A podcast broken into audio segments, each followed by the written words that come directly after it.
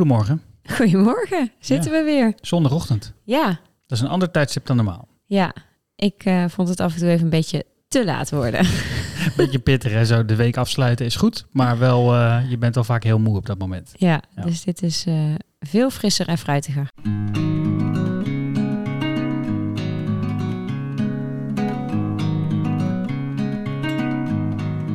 Zo, Een Dus- pittige week. er is heel veel gebeurd sinds de vorige aflevering. Ja, Heb jij een kleine preview van gegeven al in de vorige podcast, zeker. maar er is heel veel gebeurd. Nou, kom maar door met je Nou. hoogte- en dieptepunten. Ja. Ehm, nou, we hebben dus een eh, nieuwe echo gedaan. En daarop eh, zagen we een grotere tumor dan voorheen. Dus hij was in alle kanten gegroeid met ongeveer een centimeter. A2. Hoe dan? Ehm, dat betekent nogal wat, want we gaan eerder opereren. Dat is wel mijn hoogtepunt. Want ik ben er, eh, ik merkte wel dat ik eh, een soort van relief had, een opluchting, dat hij er eerder uit mag. Dus we gaan eh, woensdag aanstaande opereren, dinsdag opname, woensdag opereren. En dan gaan we natuurlijk daarna nog het hele circus in, maar ik ben er wel blij mee dat we dat eerder doen. Ja. Oké. En, en, en voor jou, wat is jouw hoogtepunt van afgelopen week? Mijn hoogtepunt is, eh, grappig genoeg, geloof ik, gelijk aan jouw dieptepunt. Want jij hebt eerder al gezegd dat jij het dieptepunt vond dat hij was opgenomen deze week. Ja.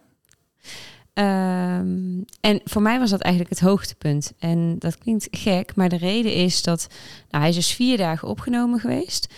Ehm, en dat was best heel relaxed. Vooral omdat dat gewoon een heel veilig gevoel gaf. Ik had het echt heel eh, ja, naar gevonden als wij na die eerste opnamenacht gewoon ook weer naar huis waren gestuurd. Niet wetende wat er nou precies in de hand was. eh, niet wetende hoe die zonde precies werkt. Dus ik vond het eigenlijk wel, eh, wel heel fijn dat, dat er dan de ruimte is.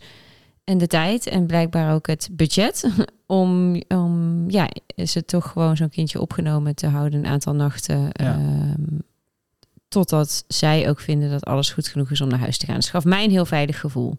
Ja, nou, voor mij was het een andere ervaring, omdat ik natuurlijk eh, zondagavond met hem naar Den Bosch ben gegaan. Zondagavond, zeg maar gerust, zondagnacht. Ik kwam daar om twee uur aan. Ja, Dus ehm, was ik erbij dat hij voor het eerst zonde kreeg en dat hij echt uitdrogingsverschijnselen had. En als ik nu ook foto's terugzie, dan zie je wel echt dat, dat er wat mis was met hem. Want hij had, had echt ingevallen ogen en zag er heel slecht uit.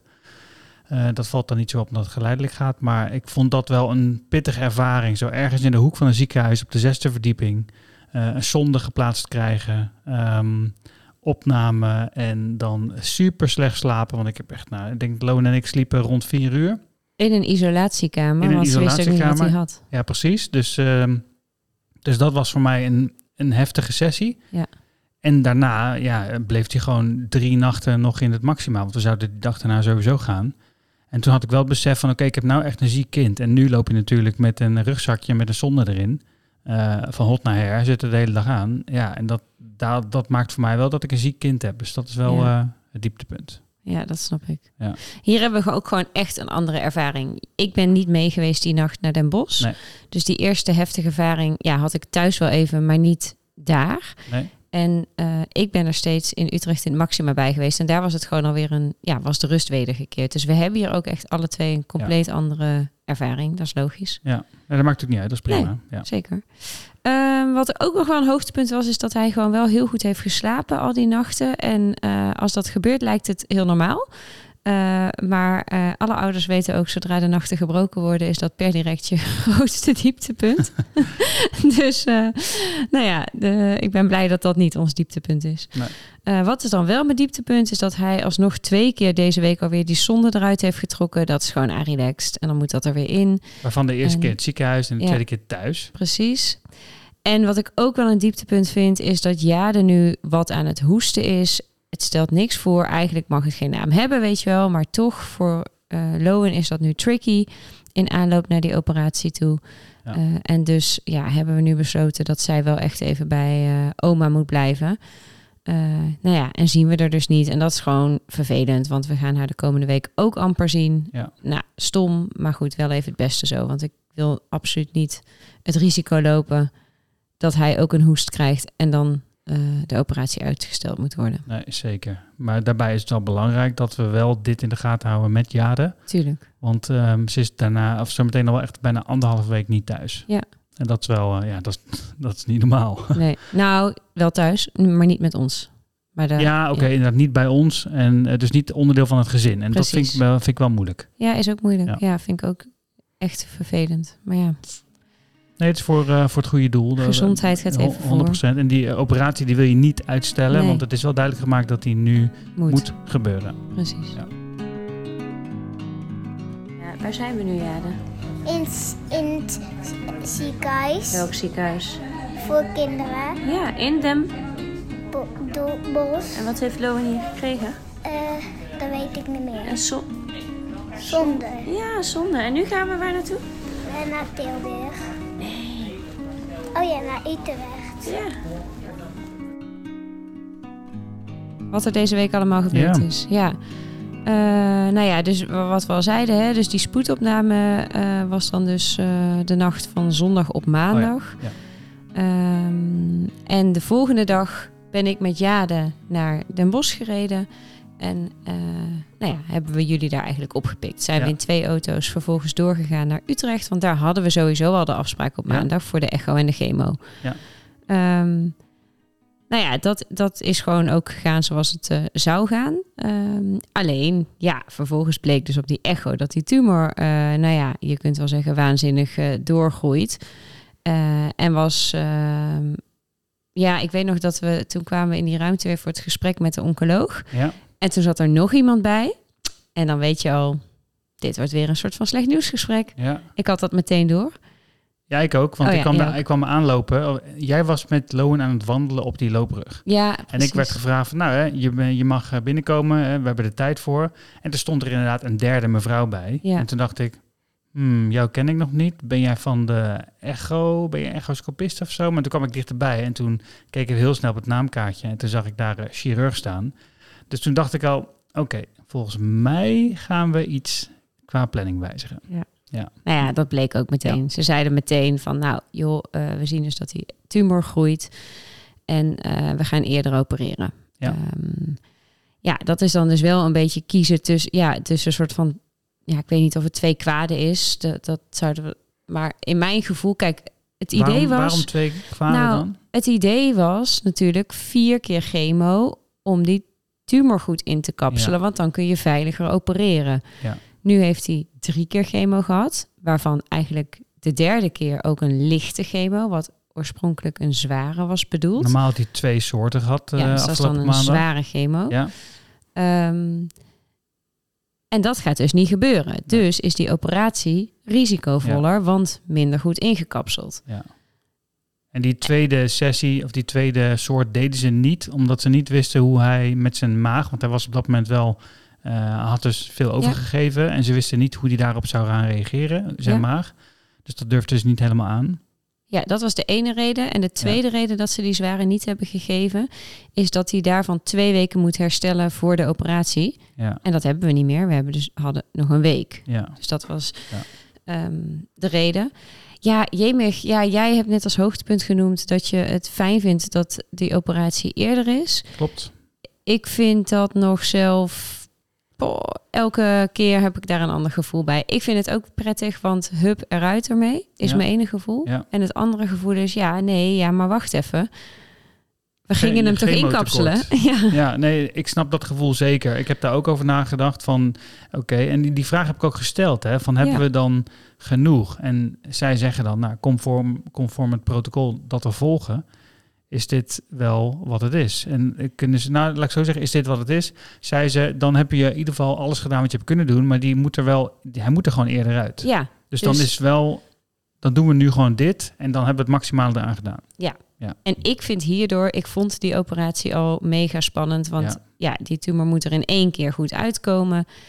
En eh, als die kapot gaat, ja, zo heet dat dan, dan kan het dus gaan sproeien. Ja. Eventuele kwijtaardige cellen en dan weet je niet waar ze blijven. Ja, dat vind ik dus nu nog spannender.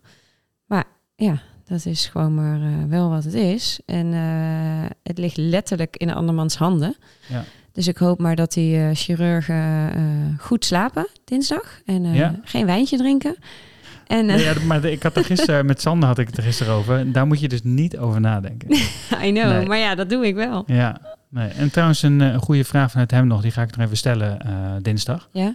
Ehm, want ze werken met twee chirurgen in deze Ja. operatie. En Sander, want die is natuurlijk piloot, dus die vroeg zich meteen af, hoe werkt dat dan? Wie is de baas? Oh ja.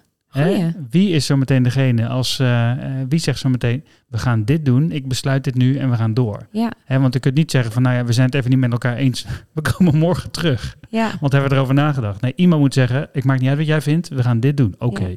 Ja, zoals eh, in zijn vak natuurlijk heb je de captain en de de co. En de captain is uiteindelijk degene die wel En besluit. toen dacht ik, ja, nee, dat is eigenlijk wel een goede vraag. Nou, kunnen dus die, die ga ik dinsdag stellen.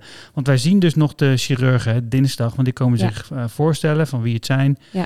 Ehm, en eh, ja, want eh, de ochtend daarna is gewoon super hectisch. Ja, want we gaan vroeg beginnen.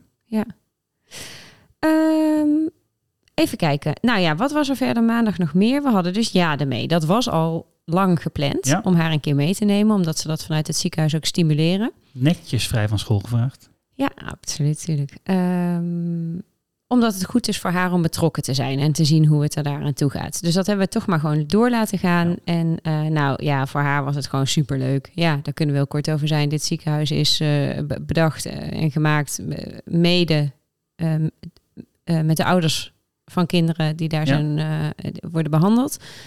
Dus het is helemaal op kindjes ingericht. En zij vond het hartstikke leuk. Ze is op sleeptouw genomen door een pedagogisch medewerker. En die is met haar chemo Casper gaan zoeken. Een hele Ja. grote knuffel die Loan vervolgens kreeg. Ja. Ze hebben eh, nog allerlei kraligen bij elkaar verzameld Ja, die we want nog zij, niet hadden. zij is chef, Ka- chef Kraal natuurlijk. ja, ja, de chef, Chef Ketting. chef Ketting. dat was hem, ja. En daarna is ze nog op de speelopvang geweest. Is er ook een hele mooie speelopvang voor broertjes en zusjes. ja daar was ik echt van onder de indruk. Ja, Dat was echt niet Vet, normaal. hè? Ik dacht echt, het is één ruimte. Want ik had alleen maar vanaf de gang gekeken. Maar ze hebben dus indoor echt een complete speelbaan. Je kunt daar op een, nou, een bokzak mappen. Maar ook op een elektrisch doel schieten. Met eh, helemaal gamification erin. Het wordt, ja, ik vind het echt bizar wat ze daar hebben gemaakt. Het is Echt echt, vet, tof. hè? Een soort van indoor speelpark. ja. Wat je, waar je bijna toegang voor zou gaan vragen. Nou, maar echt. Ja. Ja. het is echt heel bijzonder. Daar moeten we komende week ook nog maar eens even zelf een paar keer gaan kijken. ik als denk we dat ik daar daar veel zelf ook ga hebben. spelen. Ja. Ik schrijf Ja. mezelf ook in. Ja. Mag. Ik zal jou inschrijven. Ja. Ehm, Wat Nou. ik trouwens, wat ik over die dag nog wel even wil zeggen. Het was een hele leuke dag voor Jade. Een goede dag ook. Ze heeft daar veel van geleerd en ze is echt goed begeleid. Aan het einde van de dag vond het wel heel zwaar. Want ik ben met haar teruggereden naar huis. Ehm, en toen zat ze, ze was natuurlijk ook wel moe, denk ik, het einde van de dag. We aten wat laat daar en toen moesten we nog helemaal terug naar Oosterwijk. Maar ehm, we hebben die dag afgesloten met hem op de kamer, waardoor hij weer allerlei. d- ja, er werd iets wel van alles met hem gedaan. Jij had eh, eh, behoorlijk wat stress daarover. En hij was heel hard aan het huilen. Hij was gewoon super moe ook. Ehm, en dat, ja, dat reflecteerde op zo'n meisje meteen. Ja, er was daar echt wel ehm, eh, ja, van onder de indruk, maar dan op een negatieve manier. ja. Dus die ehm ja, dat was gewoon even een super stressvol moment. En, de rek was er bij iedereen helemaal uit. Bij jou ook, Ja. bij hem, eh, met al ja, die hij had kabels en natuurlijk snoeren. gewoon, ja, hij had natuurlijk gewoon heel slecht geslapen die nacht. Want toen werd hij opgenomen. Dus dat was een enorm gedoe. Ja, dus dat Ja, was al voor nee, hem zeker. helemaal gebroken. Ja. Toen de hele dag in het Prinses Maxima overdag ook Ja. totaal uit zijn ritme. Want hij slaapt altijd heel, volgens een heel vast ritme. En daar gaat hij heel goed op. Totaal uit zijn ritme. En toen was het Theo op een gegeven moment een uurtje of zes. Nou, hij was helemaal kapot. En dat trek ik dan slecht. Hij was alleen maar aan het krijsen van vermoeidheid. Ja, snap ik. En toen moest nog van alles aangesloten worden en gedaan. En op een gegeven moment zei ik ook, oké, zijn we dan nu klaar? Kan Ja. nu gewoon naar bed? Nee, hij moet de chemo nog. Ik zeg, nou, hup, laten we die chemo geven. Nee, die is nog niet klaar. Die ligt nog, er is de apotheek nog mee bezig. Ja. Ja, en toen werd ik ook gewoon best wel heel geïrriteerd. Ja, daar kon zij niks aan doen. Maar goed, ik werd gewoon geïrriteerd. Ik dacht, nou, hop, ja. mijn kind wil naar bed. Hij moet slapen en zij moet naar bed. Weet Ja, je wel? en ja. zij werd gewoon heel verdrietig van het feit dat hij verdrietig was. Maar daar hebben we het uiteindelijk nog wel veel goed met haar over gehad. We hebben wel Ja. gezegd, joh, hij huilt omdat hij gewoon zo moe is. En niet omdat hij pijn heeft. Hij had ook echt geen pijn toen. Nee. Ehm, en toen hebben we het even afgesloten. Ik zei, joh, kijk hier op deze gang liggen allemaal kindjes. In alle kamers liggen hier kindjes. En ik weet zeker, als ze morgenochtend allemaal wakker worden, is het hier één groot feest op de gang. Ja, precies. En toen dacht jij, de, oh, interessant. Ja. en toen was het weer goed. Ik zie dat kamer 288 ook vrij is, daar wil ik in. ja. dus toen was het eh, voor haar weer goed. Maar ik Ja. weet dat was gewoon even niet leuk. Nee, was wel belangrijk, want ik heb dat thuis ook met haar wel echt even afgesloten. Ik ben er even met haar gaan zitten thuis. Oké, Oh, ja. ja. ze moest naar bed, maar denk, kom, we eten even samen een heel klein ijsje samen. Even een klein En niet dat- doorvertellen. Niet doorvertellen. Niet doorvertellen, zeker niet in oma. Maar ehm, nee, om het even af te sluiten en ook gewoon even de boel te laten bezinken. Want als ik haar thuis zou eh, hebben, of thuis zou komen en meteen haar in bed zou leggen, dan is het ook, het soort, voelt het ook een beetje als een machine die draait. Ehm, dus daar was ik me wel bewust van, ondanks het feit dat ik heel moe was. Want die nacht heb ik ook weer slecht geslapen. Zij stond om zes uur ook weer aan mijn bed. Heb ik haar hup, bij mij in bed getrokken. Blijf hier maar liggen slapen. En toen zei jij nog van, nou, eh, we appen school wel even dat we iets later komen. Toen zijn we ook wat later naar school gegaan. Even uitslapen met z'n Ja. beiden. Terecht ook. Ja, dat was wel goed. Ook Maar school is sowieso heel, eh, Heel flexibel. eh, heel flexibel Ja. hè? Die snappen dit Ja. allemaal en is allemaal goed. Ja. Nou ja, over die vermoeidheid. vervolgens ben ik dus drie nachten met hem daar gebleven. En dat waren eigenlijk alles bij elkaar gewoon hele relaxte dagen en nachten. Eh, hij was echt wel moe van die chemo, waardoor hij gewoon veel sliep, heel rustig was. Als hij wakker was en wat speelde, was het ook op een heel rustig tempo, zullen we maar zeggen. En s'nachts sliep hij als een os. En eh, ja, eigenlijk niks aan de hand. En wat hebben ze daar gedaan? Nou, ze hebben gewoon natuurlijk gemonitord. eh, ja, wilden ze zien of hij in ieder geval een paar nachten niet ging overgeven. Eh, en ze gingen dus rustig de chemo, of nee, de chemo, sorry, de zondevoeding opbouwen. Nou, en dat doen ze omdat ze dus wilden kijken hoe hij daarop reageert. Ehm, nou, dat ging ook allemaal goed. Ze hebben vervolgens mij helemaal geleerd hoe dat werkt. Eh, dat zonde, ja, pomp, de zonde en de pomp en alles bedienen en aansluiten en de medicatie daardoorheen eh, geven. Dus ja, als ik er nu, als we het nu thuis doen, eh, appeltje eitje, stelt niks voor. Ja. Eh, maar eh, daar komt er zoveel op je af. dat het toch best dan eventjes complex is om het allemaal te begrijpen. Vooral omdat je dan ook denkt, ja, oké, ik denk dat ik het snap, maar ik weet nog even niet of dat thuis ook dan precies lukt. Maar En je moet het dan ook uitleggen aan mij. ja, Maar daarom, om dat te voorkomen dat jij het moest gaan uitleggen en dat ik het dan maar moest van jou moest leren, ben ik woensdag naar Utrecht gekomen om het ook te leren. ja, Ja. ja. Dus nu eh, kunnen we dat. Ja? Dus dat gaat goed. Even denken wat verder nog. Eh, nou ja, hij was daar dus gewoon, wat ik zeg, best wel eh, rustig. En ik zie een groot verschil met hoe hij nu in het weekend alweer is. Dus, dus ja, zo'n chemo heeft toch echt wel impact op zijn energie. Daar lag hij gewoon op zijn rug in zijn bed en gaf hij geen kick.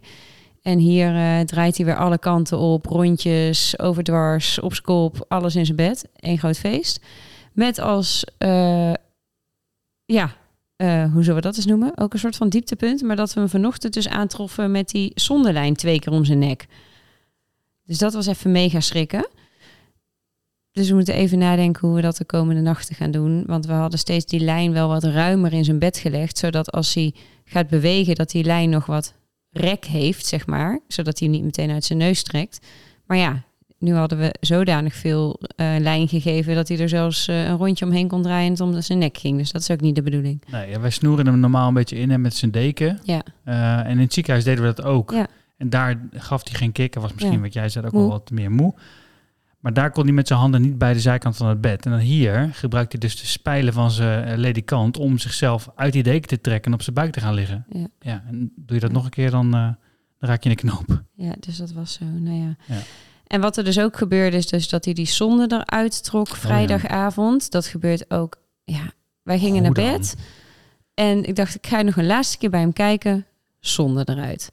Nou, hij moet 24-7 zondevoeding krijgen. Dus ja, dan moet je er op dat moment wat mee. Dat je ook denkt, hoezo gebeurt dit nooit om 11 uur 's ochtends? Altijd om kwart over 11 's avonds als je net allemaal naar bed wilt. Eigenlijk al een beetje te laat. Ja. Dus nou, dan moet je de thuiszorg bellen. Er is een speciale kinderthuiszorg. Wist ik niet, bestaat. En eh, nou, die, die deed er drie kwartier over. En eh, ja, goed, nou ja, die plaatst dan die zonde weer terug. Dat vindt zo'n kindje echt niet grappig, maar dat moet gewoon even. Eh, nou ja, en dan kun je weer door. En nu is het, eh, is het heel goed vastgeplakt op zijn eh, wang. Ja, dat was de keren daarvoor ook al. Ehm, maar ja, hopen, hopen, hopen, fingers crossed dat hij het nu laat zitten tot, tot we weer in het ziekenhuis zijn. Ja, je, brengt het een beetje alsof het inderdaad... oh, dan komt iemand van de thuiszorg en dan gaat iemand dat weer doen. Maar zo iemand is er bijna anderhalf uur bij jou bezig.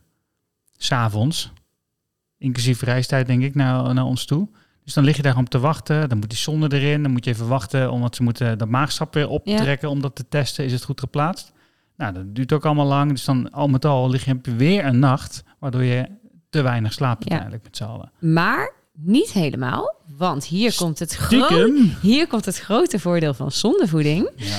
Eh, hij is nooit hangry en hij Nee. hoeft geen ochtendfles. Dus wat gebeurde er vervolgens na dat debakel met de, eh, de thuiszorg? Toen werden we alle drie 's ochtends om tien uur wakker. Ja, Want ja, hij had... lekker, ja. Ja, dus we hebben alsnog meer dan genoeg geslapen. Ja, Want ja. Hij slaapt gewoon, hij heeft geen want, honger. want ja, is er natuurlijk ook niet. En die staat Nee. normaal wel om zeven uur aan je bed, want die heeft wel honger. En hij heeft gewoon nooit honger. Nee, is echt ideaal. Nee, dus dat, dat is nu in deze fase wel even een voordeel waar we ook van mogen genieten. Ja, Ja, het ziet er niet uit, zo'n klein gek rustzakje op mijn rug met een snoer eruit. Maar het is wel een voordeel dat hij dat eh, niet heeft. En daar, hij speelt heel erg chill daar ook door, langer. ja. hij is gewoon niet hangry. Nee. Het is echt ideaal. Ja, Ehm, perfect. Nou, en verder zijn we nu eh, veel thuis. Dus eh, donderdagmiddag, vrijdag, zaterdag, zondag en morgen nog een dag, maandag.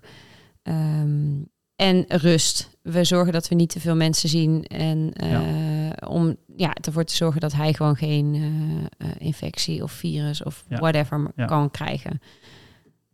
Nou, dat is eigenlijk hoe deze week was. Ja, hoe pittige gaat week. het met je?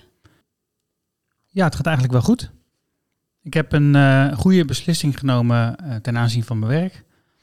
Ik heb, eh, ik, ik heb nog een opdracht waarbij ik veel in een team zit. En daarbij komen gewoon heel veel standaard afspraken in de week die elke keer terugkomen. En ik merk gewoon dat ik daar me niet meer aan kan verbinden. Niet meer committen om te zeggen, ik ben daar altijd om half tien. Of ik ben daar altijd om twaalf uur. Of elke dinsdag heb ik dit. Ehm, dus daarvan heb ik gezegd, dat doe ik niet. En ik heb daar goede afspraken over gemaakt met een paar mensen, waardoor ik wel in principe mo- moet ik dan wel goed mijn werk kunnen doen. Maar dat geeft me wel heel veel rust. Ik kan dus nu gewoon mijn werk doen, maar als er iets is, kan ik het laten vallen en later gewoon de boel weer oppakken. En hoef ik niet te schakelen met, oh ja, eh, iets overdragen of eh, eh, shit vertellen. Ik kan even niet bij deze meeting zijn, want dat is gewoon klaar. En dat vind ik heel prettig. En dat mag voor mij ook wel even een paar weken zo blijven. Dus wat dat betreft eh, is dat een positief ding. Voor de rest heb ik toch wel een paar. Ik heb een paar goede nachten gehad om, om even bij te slapen. Maar ik heb ook alweer een paar slechte nachten gehad. Zoals, eh, nou, zoals vannacht weer. Omdat ik eh, boven naast hem op, op, op de kamer lag. Ehm, vanwege een mug. Ik zal het maar gewoon zeggen. Ik hou er niet van, van muggen. Klote beesten. Maar goed, in ieder geval, ik lag dus boven. En de mug was uiteindelijk ook De boven. mug kwam uiteindelijk ook boven. Rotzak. Maar ik lag dus boven. Ik had oordop ingedaan. En eh, ehm, om in ieder geval iets van eh, slaap te kunnen pakken. Maar ja, hij werd eh, twee keer wakker. Loan werd twee keer wakker omdat, wij, of, omdat hij in zijn, echt in een hoekje van zijn bed lag, omgedraaid. En met zijn hoofd tegen een spel aan lag, waardoor hij pijn had. Dus moest ik hem weer verplaatsen.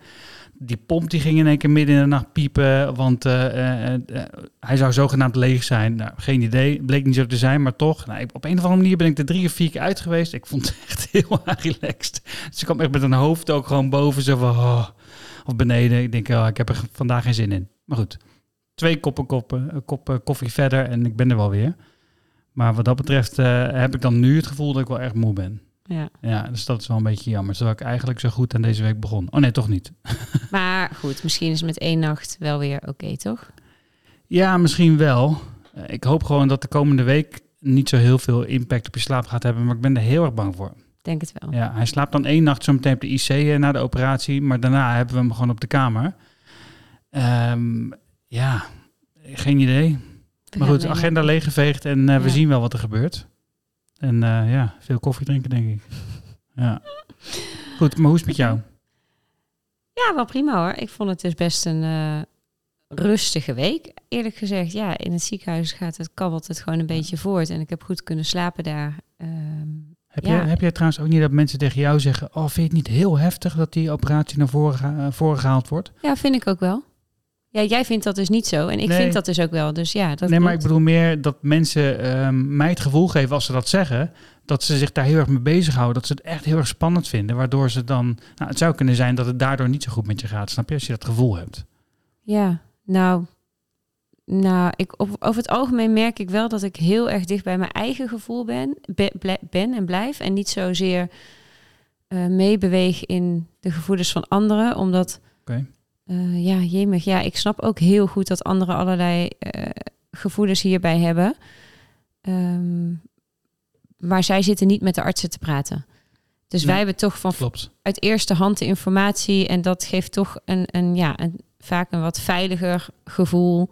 Omdat je ook alle informatie Ja, hebt. ja. Ehm, neemt niet weg dat, ja, dat ik die operatie toch heel spannend vind. Ook al heb ik alle informatie. Maar niet spannender omdat mensen dat zeggen. Nee.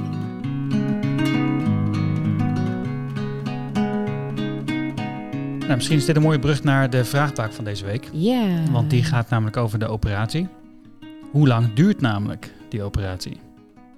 Misschien kun jij er wat meer over vertellen. Ja, die vra- vraag krijgen we veel. Ehm, logisch. Nou, dat is heel concreet. De anesthesisten zijn een uur met hem bezig. Ja? En Voor, voorafgaand aan de operatie? Ja. Ja. En eh, daarna de chirurgen 2,5 à 3 uur. Dus nou ja, in totaal is dat dan 3,5 à 4 uur. Ja. En dan eh, wordt hij naar de IC gebracht. Ja. Eh, wel of niet al wakker, dat weten ze nog niet. Dat ligt er maar helemaal aan hoe de operatie gaat. Of ze hem dan op de OK alweer wakker maken of niet. Dat weten we niet. En dan gaat hij naar de IC. En daar is hij dan sowieso nog een hele nacht. Eh, en als alles goed gaat, kan hij de dag daarna naar de gewone kinderafdeling. Ja. Dus nou, zeg maar vier uur. Ja. Dus dan wordt half tien eh, gaan ze beginnen. Ja. Woensdag. En dan ehm, ja, tussen 1 en 2 eh, worden we gebeld. Dan ehm, blijven we even in het ziekenhuis. Want eh, jij hebt een tijdje geleden een gesprek gehad met, ehm, hè, zoals je al aangaf, met eh, twee specialisten. Waaronder de kinderoncoloog die ons de diagnose gaf. Ja, dat zijn concreet Natasja van Eikenenburg, een kinderoncoloog. En Marion van Eyck, zij is verpleegkundig specialist. Ja. en onze eerste aanspreekpunt. Dus daar gaan we nu naar luisteren. Yes. Zo, nou, ik zit eh, nu met eh Natasja van Eikenenburg, eh kinderoncoloog in het Prinses Maxima Centrum. En waarom nou, ik hier met jou zit, is omdat jij degene bent geweest die ons de definitieve diagnose heeft gegeven dat ons kindje kanker heeft. Nou, en dat kan maar één iemand in je leven voor het eerst zeggen. Dus dat maakt enorm veel indruk. Ehm, en dat was al, nou, dat is inmiddels alweer een paar weken geleden. Ehm, daarnaast kwamen wij er in dat gesprek achter dat we familie zijn. Wat natuurlijk eigenlijk ja, hoe bijzonder is hoe dat? bijzonder is dat? Ja, Ja. dus eigenlijk is ons zoontje ook familie van jou. Nou ja, dat is natuurlijk nou ja, heel, eigenlijk heel gek. Ja, Eh, en heel toevallig. En ook wel heel leuk, ja, ehm, vond ik dat. ja. Ehm, nou, en wat er in dat gesprek ook gebeurde, eigenlijk, we waren klaar, hè, we hadden de diagnose gehad. En eh, op een gegeven moment vroeg eh, Robin en jou van, nou, ik weet niet meer precies, maar zoiets van, wat vind je zo leuk aan je werk? Of waarom werk je hier? Of waarom heb je hiervoor gekozen? ja. En toen kwam er bij jou een twinkeling in je ogen. En toen ging je heel enthousiast vertellen wat je er allemaal zo leuk aan vond. Ehm, en op mij was dat even, eerst even dat ik dacht, huh, oké, maar je hebt net gezegd dat, die, dat mijn kind kanker heeft. En nu ga je vol blijheid vertellen hoe leuk dat je werk is. En ik was even een soort van in verwarring, ja. eerlijk. Maar heel snel dacht ik, oh wat fijn dat, er, dat jij zo gepassioneerd bent over het werk. En nou, daar ben ik dan zo meteen heel benieuwd nog verder naar. Want dat gaf meteen heel veel vertrouwen. Ik dacht, zo, hij is echt in goede handen. En ja, natuurlijk eh, eh, is dit niet alleen maar verdrietig. Want ja, stel je voor, dan heb je een verdrietige baan. Dat kan natuurlijk niet de bedoeling zijn. Nee. Dus eh, ja, dat gaf mij heel veel vertrouwen. En daarom wilde ik daar heel graag nog eens met je over hebben. Ehm, omdat het voor hem later ook mooi is om te horen... ja, in wat voor goede handen eh, hij in zijn babyjaren dus was, is. ja. Eh, dus ja, bij deze nogmaals de vraag: van, kun jij eens vertellen wat, wat maakt dat je voor dit werk hebt gekozen en wat vind je er zo leuk aan? Ja, Robin die vroeg dus inderdaad van hoe ben je tot de beslissing gekomen of hoe, nou, ehm, waarom heb je kinderoncologie gekozen? Ja. Eh, en wat ik toen ik heb uitgelegd en wat ik nu ook weer kan uitleggen, is dat kinderoncologie eigenlijk een vak is na de kindergeneeskunde. Dat ik eerst kindergeneeskunde ben gaan doen. En dat heb ik gekozen omdat ik eigenlijk werd uitgedaagd door het vak in zijn totaliteit. Het is zo dat als je dokter wordt, dan eh, kies je er eigenlijk voor of je gaat nadenken waarom iemand ziek is. eh, of je gaat bijvoorbeeld de kant op van opereren. Dan ga je meer met je handen werken. Nou, ik wilde al überhaupt Oh, ja. inderdaad meer nadenken dan dat ik met mijn handen doe. Maar dat is een soort van traditioneel de tweedeling eigenlijk? Dat Ja, zo moet je het eigenlijk wel een Ja. beetje zien. Dat je eh, ja, de verschillende onderdelen in het vak kunt scheiden in de denkers en de doeners. Wat mooi. Oké, ja. ehm, nou, voor mij is dat denken over waarom iets is en hoe we dat het beste dus ook kunnen eh, behandelen, zeg maar. Dat is echt mijn uitdaging. En ik vond bij de kindergeneeskunde ehm, nog een uitdaging erbovenop. En dat is het kind wat in ontwikkeling is. Dus een, een kind heeft ehm, nou, ontzettend veel facetten die het uniek maken, zeg maar. Geen enkele patiënt is hetzelfde. Ja. Eh, elke leeftijd is verschillend. En wat heel veel mensen zeggen, maar dat is dus zo ingewikkeld met die ouders erbij. Dat is voor mij juist nog een uitdaging erbovenop. En wat mij ook juist heel erg boeit, dat je twee ouders hebt en het kind. ja. En dat je ja, dat hele gezin dus eigenlijk onder behandeling krijgt. En dat maakt dat je nou ja, iedere keer ook je verhaal moet aanpassen op de ouders. En op het kind, op de leeftijd van het kind. Ja. En eh, ook als je het kind onderzoekt, moet je je gedrag zeg maar, naar het kind toe aanpassen op de leeftijd van het kind. Zoals je net hebt gezien, ik kom dan met mijn koude handen aan. Nou, daar reage- reageert Lobo Ja. meteen op. Maar je kan hem daarna ook weer, weer afleiden en een beetje met hem spelen. En Ja. ja. dat maakt het vak natuurlijk heel erg leuk. Dat je niet ja, als een robot ervoor staat en iedere keer hetzelfde moet doen. Maar dat je iedere keer moet kijken van hoe pak ik het in, in dit geval bij dit gezin en bij deze ouders aan.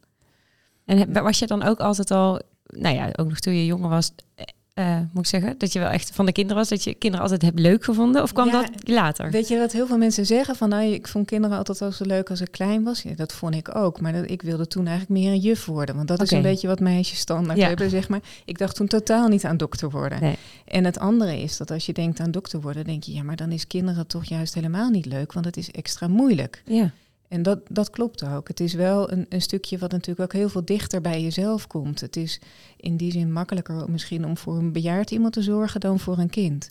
emotioneel gezien? Emotioneel gezien.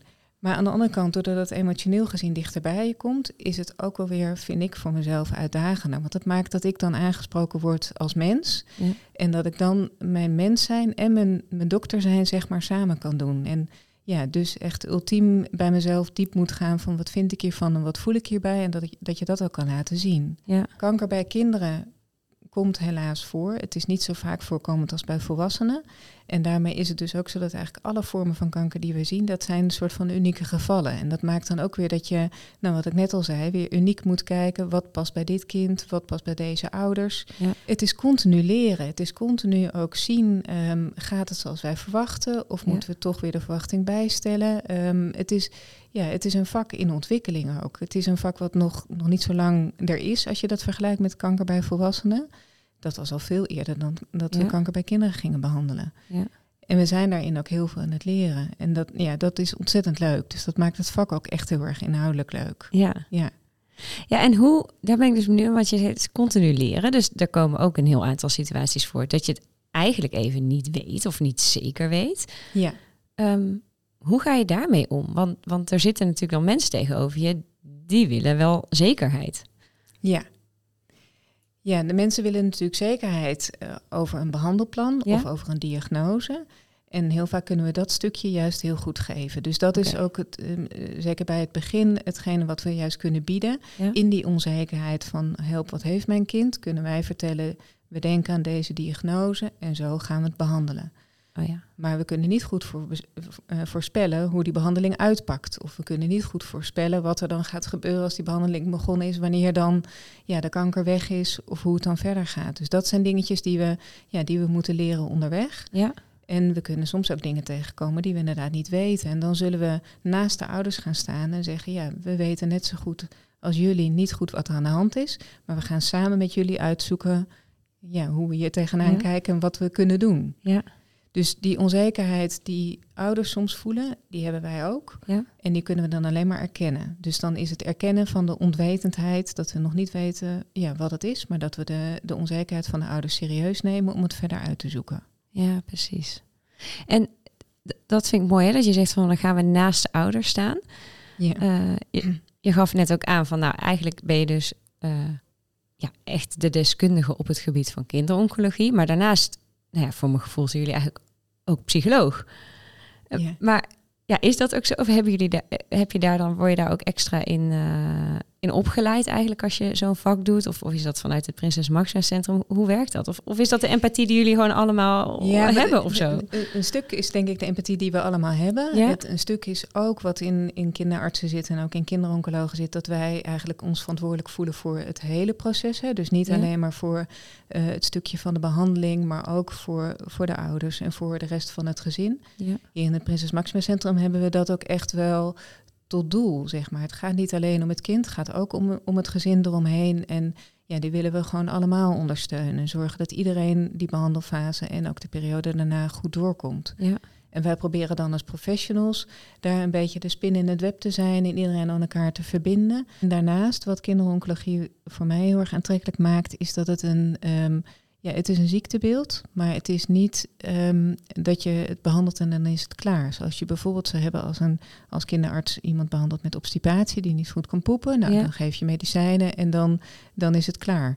Wij blijven bij het gezin ehm, ja, totdat de kinderen 18 zijn. ja, En we maken dus eh, mee dat we nou, de dalen van de behandeling zien. Maar Ja. we zien ook weer de goede momenten van de behandeling. We zien het ook het gezin weer de normale draad oppakken. Ook als de behandeling klaar is, zien we wat voor een impact het op he- het gezin Ja. heeft of op het kind heeft. ja, En we zien dus eigenlijk alle fases van het hele traject. Ja. En dat maakt het heel interessant. Het is als een soort van ehm, ja, boek wat je openslaat, waarbij je bij de eerste bladzijde meedoet, maar ook het hele eind mag lezen. ja. En, ja, dat is natuurlijk waar, ja. en dat is heel erg mooi. Het is Ja. niet alleen maar het ene hoofdstuk. Ik mag tot aan het eind meedoen. Tot aan het eind, ja, ik snap dat. Ja. Nou, dat hadden wij van de week ook de realisatie. Want eh, nou ja, jij bent natuurlijk dan gespecialiseerd in net weer een ander eh, type eh, kanker dan Lowen heeft. Dus Ja. wij, jij bent nu niet zijn behandelend arts. Eh, maar wij realiseerden ons van de week van... eh, ik zei tegen Robin, ik zeg, jemig. Wij gaan onze kinderoncoloog gewoon tot aan haar pensioen Meemaken. meemaken. Ja. Dat is niet per se wat mijn ambitie is om een kinderoncoloog tot dienstpensioen mee te maken. Ja. Maar het is eigenlijk ook wel weer oké. ja. Maar ja, Ja. dat denk ik, jemig, ja, we gaan gewoon heel lang aan heel elkaar lang verbonden traject. blijven op een bepaalde manier. Ja. Ja, Ja. En een stukje daarvan is dus specifiek eh, nou ja, tijdens de behandeling sowieso voor Lowen. Hè, om Ja. te kijken hoe hij ehm, met de therapie omgaat, hoe de tumor reageert en nou ja, alle facetten die erbij aan vastzitten. Ja. Maar daarna zal het ook zijn om te kijken of de ziekte wegblijft en hoe het verder met hem gaat. Maar ook voor ons om te leren wat die behandeling heeft gedaan. ja. Dus ook hij draagt dan weer bij aan het leereffect wat wij hebben voor de volgende kinderen. ja, precies. En ben je, dat ben ik dan nog benieuwd naar. Ehm, ben jij dan ook heel nauw weer betrokken, zeg maar als oncoloog, onderzoeker met het research centrum hier? Dus dat is ook Ja. een ongoing. Ja. Ja, in dit centrum Ja. hebben we, we zeggen we zijn geen ziekenhuis, maar we zijn een centrum. Want Ja. we hebben de combinatie van echt een heel groot laboratorium waar heel veel onderzoek gedaan wordt. Ja. En we hebben de patiënten die we zorg verlenen. Ja. En eigenlijk zijn die twee heel nauw aan elkaar verbonden. Want de onderzoekers die doen heel veel met het materiaal wat, we- ja, wat we verkrijgen doordat we bij de kinderen een operatie doen of doordat we bloed afnemen. Ja. En andersom hebben wij, doordat we die onderzoekers in de buurt hebben, ook heel veel vraagstellingen die we willen die zij meteen kunnen beantwoorden. Doordat ze meteen in het laboratorium gaan kijken. Ja. Doordat ze bijvoorbeeld een stukje weefsel afnemen en daar medicijnen op testen, kunnen we ook heel goed kijken. Ja, wat doet het medicijn? Terwijl we het nog niet aan het kind geven, maar wel op het materiaal wat uit het kind komt, bijvoorbeeld. Ah, zo werkt dat ook. Dus dat, ja. is, eh, ja, dat is echt beide kanten op heel nauwgezet eh, samenwerken Ja, en samen verder komen. Ja, nou, ja. dankjewel. nou graag ja, gedaan. echt heel fijn om te horen en weer te horen. En ja, het geeft me weer het vertrouwen en het gevoel. Nou ja, ik denk dat het goed komt, maar dat we in ieder geval in goede handen zijn. ja, Ja, ja. dankjewel. graag gedaan.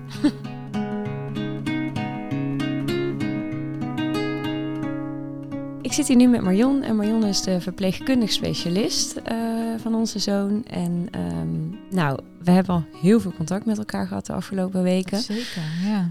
Ehm, en ik moet zeggen, ik heb nog nooit in de zorg gewerkt. Eh, dus voor mij is het soms een beetje abracadabra wie allemaal wat doet. Want er komen heel veel mensen tegen. Maar met jou het meeste contact. En ik wil gewoon heel graag eens ook met jou eh, praten en horen wat is jouw rol. En wat is de rol van de anderen. En dan wat eh, ja, meer dieper op jouw werk ingaan.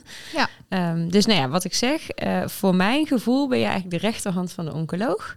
En ons eerste aanspreekpunt. Maar misschien kun je zelf wat vertellen over Ja, ik denk dat dat wel een beetje klopt. Ik werk inderdaad samen met uh, de hoofdbehandelaar van Lowen. Uh, ik ben inderdaad ook de rechterhand. En dat betekent ook dat ik laagdrempelig voor jullie bereikbaar ben. Dat jullie me kunnen appen en bellen met zorgen. En als ik die zorgen met jullie deel of ik kan jullie niet geruststellen, zal ik dat ook altijd met de hoofdbehandelaar overleggen. Ehm, maar wij samen begeleiden jullie, uh, nou, nemen een beetje de rode draad van de behandeling van Lowen uh, onder onze hoede. En samen met jullie, want we zien het behandelteam altijd als wij samen met jullie, want jullie kennen Lowen het best. Ja. Um, en daarbij helpt het ook echt heel erg als je elkaar ook goed leert kennen en ik Lowen ook goed in de vingers heb, dat ik hem goed ken. Ja. Um, en als jullie bellen met zorgen dat ik daar ook op kan anticiperen, zeg maar. En even voor mijn beeld, waar, waar, moet ik aan denken? Dus jij bent ons eerste aanspreekpunt en dat ben je natuurlijk niet alleen voor ons, maar hoeveel, voor hoeveel patiënten kun je dan zo ja, behapbaar we, hebben? Bij ons is wel de visie, zeg maar, dat ieder kind hier wat hier binnenkomt met zijn ouders, dat hij ook een VS krijgt die aansluit bij naast de hoofdbehandelaar. Ja, en hoeveel, hoeveel We zijn met z'n twaalfen. Ah. Ehm, en nou, we hebben ook in ons vak nou, wel een paar specialisten. Dus we hebben ook een, een, paar meiden die dan gespecialiseerd zijn in de patiënten die een bottumor hebben. Uh, ik val onder ja, de kinderen die een niertumor hebben. Dat is een beetje mijn specialisme. Zo, dus zo richten we elkaar een beetje. Dus een beetje in je expertise zit. Um. Je zei meiden? Zijn het alleen maar meiden? Ja. ja. ja. Ja, het zijn alleen vrouwen. Het is sowieso een heel vrouwelijk ziekenhuis. Ja, daar had ik het net, uh, ja, uh, net met uh, je man over. Dat het inderdaad echt een... En dat is grappig dat hij het zei, want daar had ik eigenlijk nog nooit zo naar gekeken. Maar dat klopt wel echt.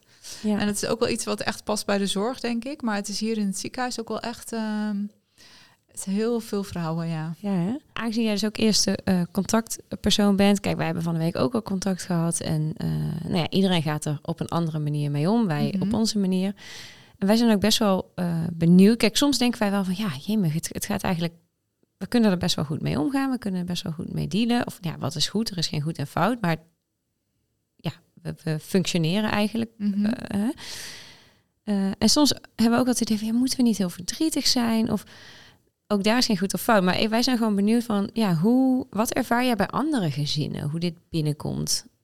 Ja, hoe mensen ermee omgaan? Ik denk dat je wel, ik denk wat je zegt dat het heel goed is. Iedereen verwerkt dit op zijn eigen manier. En het is ook natuurlijk niet zo dat als je hier het Prinses Maxima binnenkomt, dat je een gebruiksaanwijzing meekrijgt van nou, zo dien je, zo moet je omgaan met uh, uh, de angst. En ik denk dat vooral de angst overheerst in het begin, inderdaad. En dat is vaak de onzekerheid. Ja. Uh, dat ouders nog niet weten van, goh, wat is nou aan de hand? Ze weten wel natuurlijk donders goed dat als je hier komt, dat het uh, foute boel is.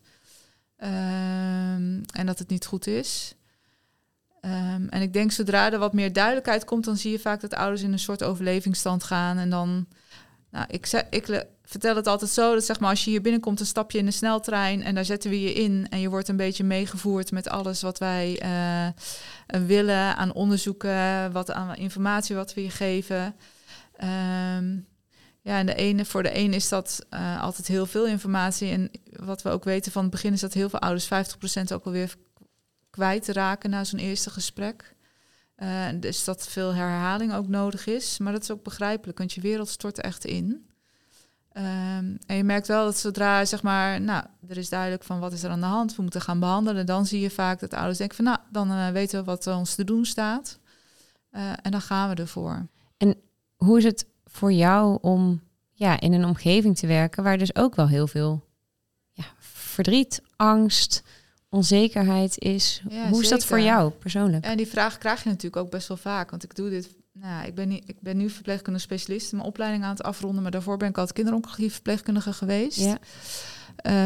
Um, en ik doe dit al 22 jaar. En de, mensen zeggen wel eens van hoe hou je het vol? Maar ja, ik denk ten eerste dat het een soort. Um, uh, nou, hoe kun je dat dan best omleggen? Uh, ja, een soort roeping is. Ja. Uh, en ik zeg altijd, het weegschaaltje staat ook altijd gewoon op de helft, zeg maar. En soms zak je iets meer door richting verdriet of uh, overheerst de blijheid.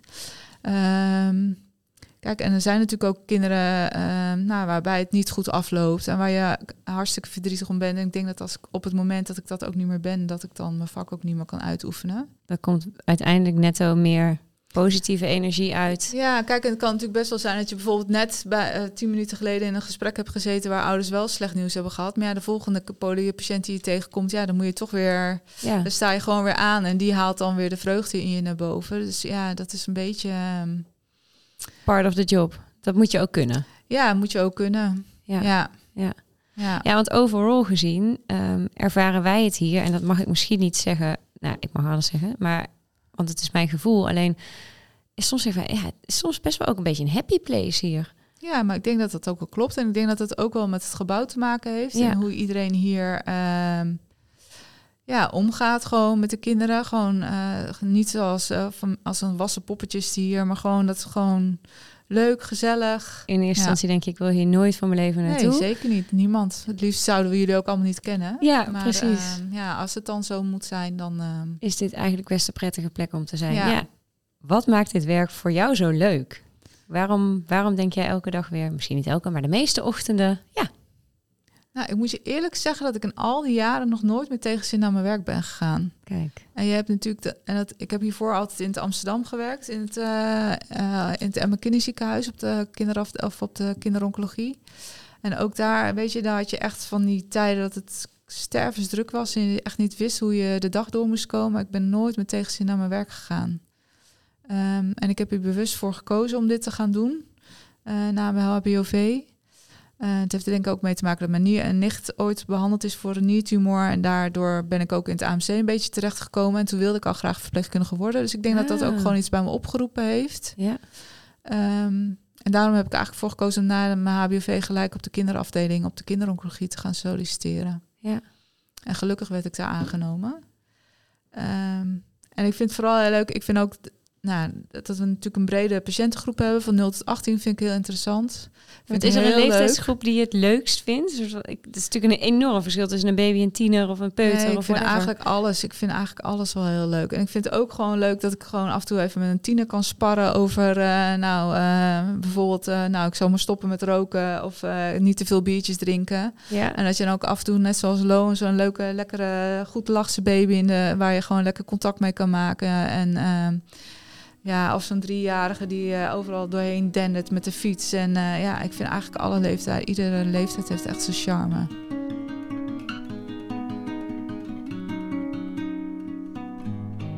Ja, het weetje van de week. Het weetje van de week gaat deze keer over het Prinses Maxima ziekenhuis. En dan met name over de kamers. En ook de kamer waar wij al geslapen hebben samen met Lowen. En waar we zo meteen ook een hele week zullen zijn. Daar is namelijk heel goed over nagedacht over die kamers. Het is namelijk een kamer die eh, in tweeën gesplitst is. Je hebt het gedeelte waar de patiënt ligt, hè, Het ons kind. kind. En dan het andere gedeelte voor speciaal voor de ouders. Met een eigen opgang, eigen douche, wc. Maar jij vindt nog meer dingen aan die kamer heel handig. En daar kun jij meer over vertellen, want jij bent daar namelijk drie nachten geweest. Dus misschien eh, kun je wat meer over dat weetje vertellen. Nou ja, dus precies wat jij zegt. Het is dus gewoon ehm, zo eigenlijk ingericht dat je in de basis je kind niet hoeft te storen. De artsen niet, de verpleegkundige niet en jij zelf ook niet. Je kunt er meteen bij, maar je hebt dus je eigen ingang, je hebt je eigen badkamer, eh, eigen opgang naar het balkon, zonder dat je Oh ja, bij je ja. kind in de kamer hoeft te zijn. Klopt. Eh, ja, dat is natuurlijk gewoon heel erg fijn. En wat ze dus ook heel slim hebben gedaan, is ehm, ze zorgen ervoor dat de, ja, eigenlijk zoveel mogelijk wat ze kunnen doen, doen ze zonder het kind te storen. Dus ze hebben dan bijvoorbeeld voor de zonde een hele lange lijn. Die gaat helemaal naar buiten de kamer, zeven Ja. meter lange lijn. Ja. En buiten de kamer staat dan eh, ja, de pomp en eventueel eh, eh, Infuus, infu- alles wat de patiënt nodig heeft, staat buiten de kamer. Ja, en daar ja, kunnen ze dan medicatie toedienen, et cetera. Waardoor ze dus zo min mogelijk die kamer in hoeven en het Ja. kindje te storen. Ja, dat vind ik echt ja, dat is top. zo goed bedacht. Als je dat vergeleek met toen die eerste nacht in het Elisabeth ziekenhuis. Met, Of in Den Bosch afgelopen ja, zondag. met allemaal man, man. toeters en bellen naast het bed van je kind. En pompen en geluid en lichtjes en Ja. gedoe. En dan probeer je zelf ook te slapen. En Lukt dan eh dat lukt voor geen meter, want ze staan een soort van tegen jouw bed aan eh, bij je kind. Nou, Ja. dan word je meteen weer wakker. Dus dit is Nee, echt, ja, echt. fantastisch. Ziet er heel goed uit. Eh, wat ik ook nog een hele slimme vind, is dat ze die ramen kunnen afschermen. Hè. Dus van binnen kunnen wij zo'n zo'n gordijn optrekken of Ja. zo'n screen optrekken, zodat het donker is in die kamer. Want Ja. daar slapen kinderen natuurlijk goed op. En dat ze zelf van de buitenkant nog een heel klein screentje hebben die ze eh, omhoog kunnen eh, doen. Om even te kijken van hoe gaat het met hem? Moeten we naar binnen ja of nee? Nee, hoeft niet. Weer naar beneden. Ja, Zodat ze echt voorkomen dat ze, ja, zonder dat het nodig is, naar binnen gaan. ja echt, echt. Daar word ik heel gelukkig van. Ja, wij, wij ook. Ja. Nou, sluiten we weer af. Ja, ja, dat was hem weer voor deze week. Dat was hem weer. We hebben de allerspannendste week voor de boeg. Ja. Vanda eh, vandaag staan we aan de vooravond van eh, de week waarin we Loon laten opnemen en dat we gaan opereren. En ehm, ja, dan gaan we het gewoon zien. We nemen de microfoons mee voor de volgende aflevering naar het ziekenhuis. Ja. Ehm, want er zal heel veel gebeuren en dan zullen we af en toe ook wat dingetjes kunnen opnemen. Ja.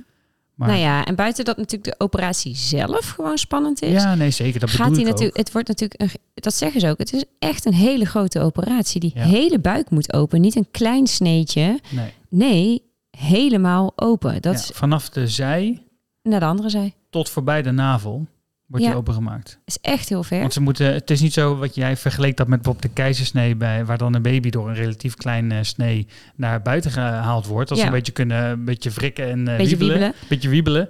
Nou, hier was volgens de chirurg geen wiebelruimte. Nee, dat is ook zo, want je kunt nergens tegen aanstoten. Nee, ze hebben echt werkruimte nodig. Dus eh, ja, Loan gaat flink open, ja. Ja, dus dat betekent ook een fix herstel. Dat, Ja. dat hij gaat gewoon echt veel pijn hebben. Dat hebben Ja. ze ook al eh, gezegd dat dat gaat gebeuren. Dus moeten Ja. we gewoon rekening mee houden. Hij krijgt een ruggenprik met continue verdoving. Ja. En die blijft ook zitten na de operatie. Ja. Nou ja, we gaan het meemaken. Daarover kunnen we de volgende week eh, alles vertellen. En nu is het vooral heel erg spannend. Ehm, voor, En, de, ja. voor, de, ja, voor degenen die zich afvragen wat we met Jade doen. Ehm, eh, mijn ouders komen hier de hele week. Zodat Jade in ieder geval de hele week thuis kan zijn. Ja. Van in de eigen omgeving.